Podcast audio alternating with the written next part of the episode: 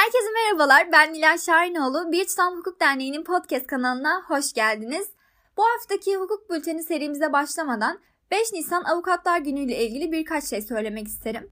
Birey hak ve özgürlüklerinin savunulmasında, hakların korunmasında, hukukun üstünlüğünün var olmasında yılmadan çaba gösteren, demokratik, layık, sosyal ve hukuk devletinin devamının güvencesi olan siz değerli avukatlarımızın ve avukatlığı hedefleyerek eğitim görmekte olan bütün öğrencilerimizin 5 Nisan Avukatlar Günü'nü saygıyla kutlarım. Şimdi haberlerimize geçebiliriz. İlk olarak Türkiye'den haberlerle başlayacağız. Gündemimizde öncelikle 104 emekli amiralin paylaştığı bildiri var. Türkiye Büyük Millet Meclisi Başkanı Mustafa Şentop'un Cumhurbaşkanı'nın teknik olarak Montreux'u feshedebileceğini söylemesine karşılık cumartesi gecesi son zamanlarda gerek Kanal İstanbul gerekse uluslararası anlaşmaların iptali yetkisi kapsamında Montreux Sözleşmesi'nin tartışmaya açılması endişeyle karşılanmaktadır. Montreux, Türkiye'nin herhangi bir savaşta savaşan taraflardan birinin yanında istemeden savaşa girmesini önleyen bir sözleşmedir. İfadelerine yer verilen üniformalı ve sarıklı bir amiralin namaz kıldığı görüntülere istinaden TSK ve deniz kuvvetlerimizi Atatürk'ün çizdiği çağdaş rotadan uzaklaşmış gösterme çabalarını kınıyor ve tüm varlığımıza karşı çıkıyoruz. Cümleleri kurulan bir bildiri yayınlandı. Ankara Cumhuriyet Başsavcılığı bildiri hakkında soruşturma başlattı. Milli Savunma Bakanlığı bildirinin demokrasiye zarar vereceğini, askeri personelin motivasyonunu olumsuz etkileyeceğini, TSK'nın hiçbir görev ve sorumluluğu olmayan kişi veya kişilerin hırs, ihtiras ve şahsi emellerini araç yapılamayacağını açıkladı. Aynı zamanda Cumhurbaşkanı Erdoğan yaptığı bir açıklamada Montreux Anlaşması'nın ülkemize sağladığı kazanımları önemli görüyor, sözleşmeye bağlılığımızı sürdürüyoruz ve milleti ve milletin seçtiği yönetimi tehdit etme cüretini gösterenlere hadlerini yine milletimizle göstereceğiz ifadelerine yer verdi. Bildirinin darbe çağrıştırdığını söyleyen pek çok hükümet üyesi sert tepki gösterdi.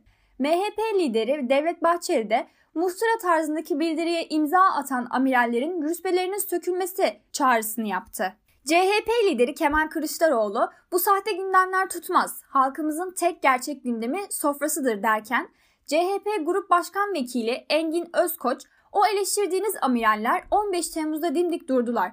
Deniz kuvvetlerini ağzına kadar FETÖ'cü dolduranlar 15 Temmuz'un ertesinde Atatürk ilke ve devrimleriyle yetişmiş subaylar olmasa bugün koltuklarında oturamıyor olacaklardı. Vatansever eleştirileri tebrik ediyorum, dedi.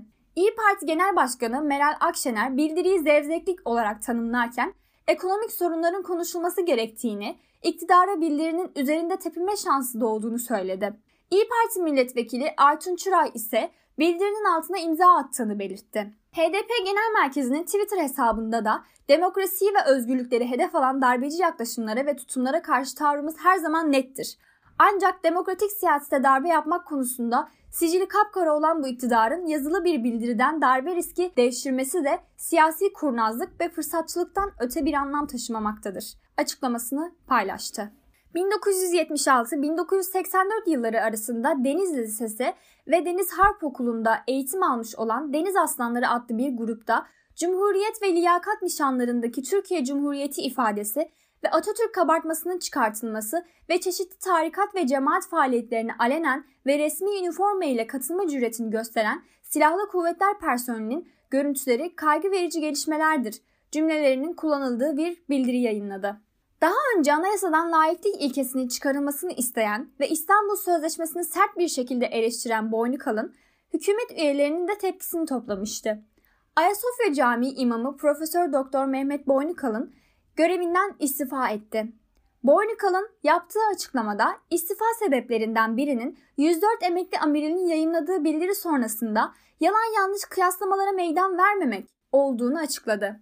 104 emekli amiralin imzasıyla yayınlanan bildiri sebebiyle hafta başında gözaltına alınan 10 emekli amiral gözaltı süresinin uzatılması talebiyle adliyeye sevk edildi. Anayasa Mahkemesi CHP'nin başvurusu üzerine görülen duruşmada medya kuruluşlarının kapatılması ve mal varlıklarının hazineye devredilmesini düzenleyen kanun hükmünde kararnamenin ilgili maddesini anayasaya aykırı bularak iptal etti. Anadolu Ajansı'nda yer alan haberlere göre Kişisel Verileri Koruma Kurulu 553 milyon kullanıcısının verilerinin düşük seviye hackerların yer aldığı formunda ücretsiz olarak paylaşıldığını belirten Facebook hakkında inceleme başlattı. Söz konusu veriler içinde Türkiye'den 19 milyon kişinin verilerinin de yer aldığı belirtilmişti. Eski HDP eş genel başkanı Sezai Temelli ve Demokratik Bölgeler Partisi eş başkanı Salihe Aydeniz'in aralarında bulunduğu 11 milletvekili hakkında yasama dokunulmazlığının kaldırılması istemiyle hazırlanan 14 fezleke Türkiye Büyük Millet Meclisi Başkanlığı'na sunuldu. Kesinleşmiş hapis cezası nedeniyle Cuma günü gözaltına alındıktan sonra rahatsızlanan ve yoğun bakımda tedavi gören HDP'li Ömer Faruk Gergerlioğlu hastaneden çıkarıldı ve Sincan cezaevine nakledildi. HDP'den yapılan açıklamada doktorun tam teşekküllü hastaneye sevkini istemesine rağmen cezaevine götürüldüğü ifade edildi. Masumlar için adaletin sağlanmasını diliyorum ifadelerini kullandı. 15 Temmuz 2016'daki darbe girişimi esnasında Cumhurbaşkanlığı muhafız alayında yaşanan olaylara ilişkin 497 sanığın yargılandığı davada karar açıklandı. Ankara 19. Ağır Ceza Mahkemesi'nde görülen davada 22 asker müebbet hapis cezasına çarptırıldı. Türkiye Devrimci İşçi Sendikaları Konfederasyonu geçtiğimiz yıl yaklaşık 177 bin işçinin iş sözleşmesini iş kanununun 25. maddesinde yer alan ahlak ve iyi niyet kurallarına uymayan haller ve benzerleri gerekçesiyle işverenler tarafından feshedildiğini açıkladı. Bu gerekçeyle işten çıkarılan kişilerin kıdem ve ihbar tazminatlarını alamadıklarını, ayrıca işsizlik sigortası fonunun da işsizlik ödeneğinden yararlanamadıklarını belirten disk, söz konusu maddenin pandemi dönemlerinde uygulanan işten çıkarma yasağının istisnalarından birinin oluşturduğuna da dikkat çekti. Resmi gazetede İçişleri Bakanı Süleyman Soylu ile Hazine ve Maliye Bakanı Lütfü Ervan'ın imzasıyla yayınlanan kararla 377 kişi ve kuruluşun Türkiye'deki mal varlıkları donduruldu.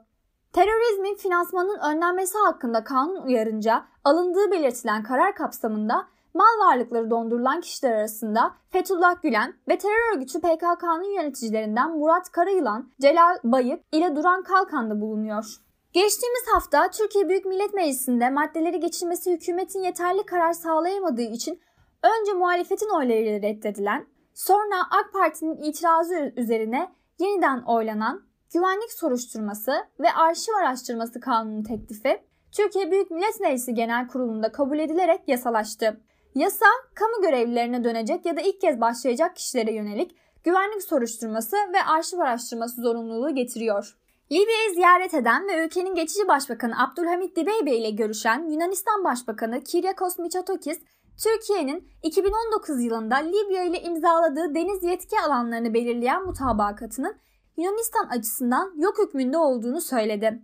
Mitsotakis, Libya'nın komşusu Türkiye değil Yunanistan'dır açıklamasında bulundu.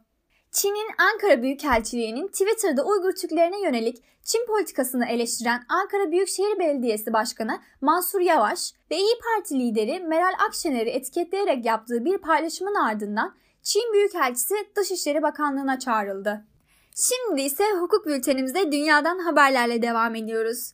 Fransa'da Merkez Sağ Cumhuriyetçiler Partisi'nin teklifiyle okul gezilerinde öğrencilere refakat eden annelerin başörtü takmasını yasaklayan madde onaylandı. Söz konusu madde 141 hayır oyuna karşı 177 evet oyuyla kabul edildi. Merkez Sağ Partisi tarafından hazırlanan 18 yaşından küçük kızların kamuya açık alanlarda başörtü takmasını ve Merkez Sağ Cumhuriyetçiler Partisi'nin desteğiyle teklif edilen havuzlarda tesettür mayanın giyilmesini yasaklayan maddeler de onaylanırken tasarının diğer maddeleri Senato'da görüşülmeye devam ediliyor. Ayrılıkçı yasa tasarısına eklenmesi kabul edilen maddelerin yürürlüğe girmesi için ulusal mecliste de onaylanması gerekiyor. Senato daha önce iki kez okul gezilerinde öğrencilere refakat eden annelerin başörtüsü takmasını yasaklayan yasa tasarısını onaylamıştı. Ancak ulusal meclis bunu kabul etmediği için yürürlüğe girememişti. Ayrılıkçı yasa tasarısı Müslümanları ötekileştirdiği gerekçesiyle eleştirilere neden oluyor. Bu haftaki hukuk haberleri serimizin sonuna geldik. Dinlediğiniz için teşekkür ederim ve haftaya yeni hukuk haberleriyle tekrardan görüşmek üzere.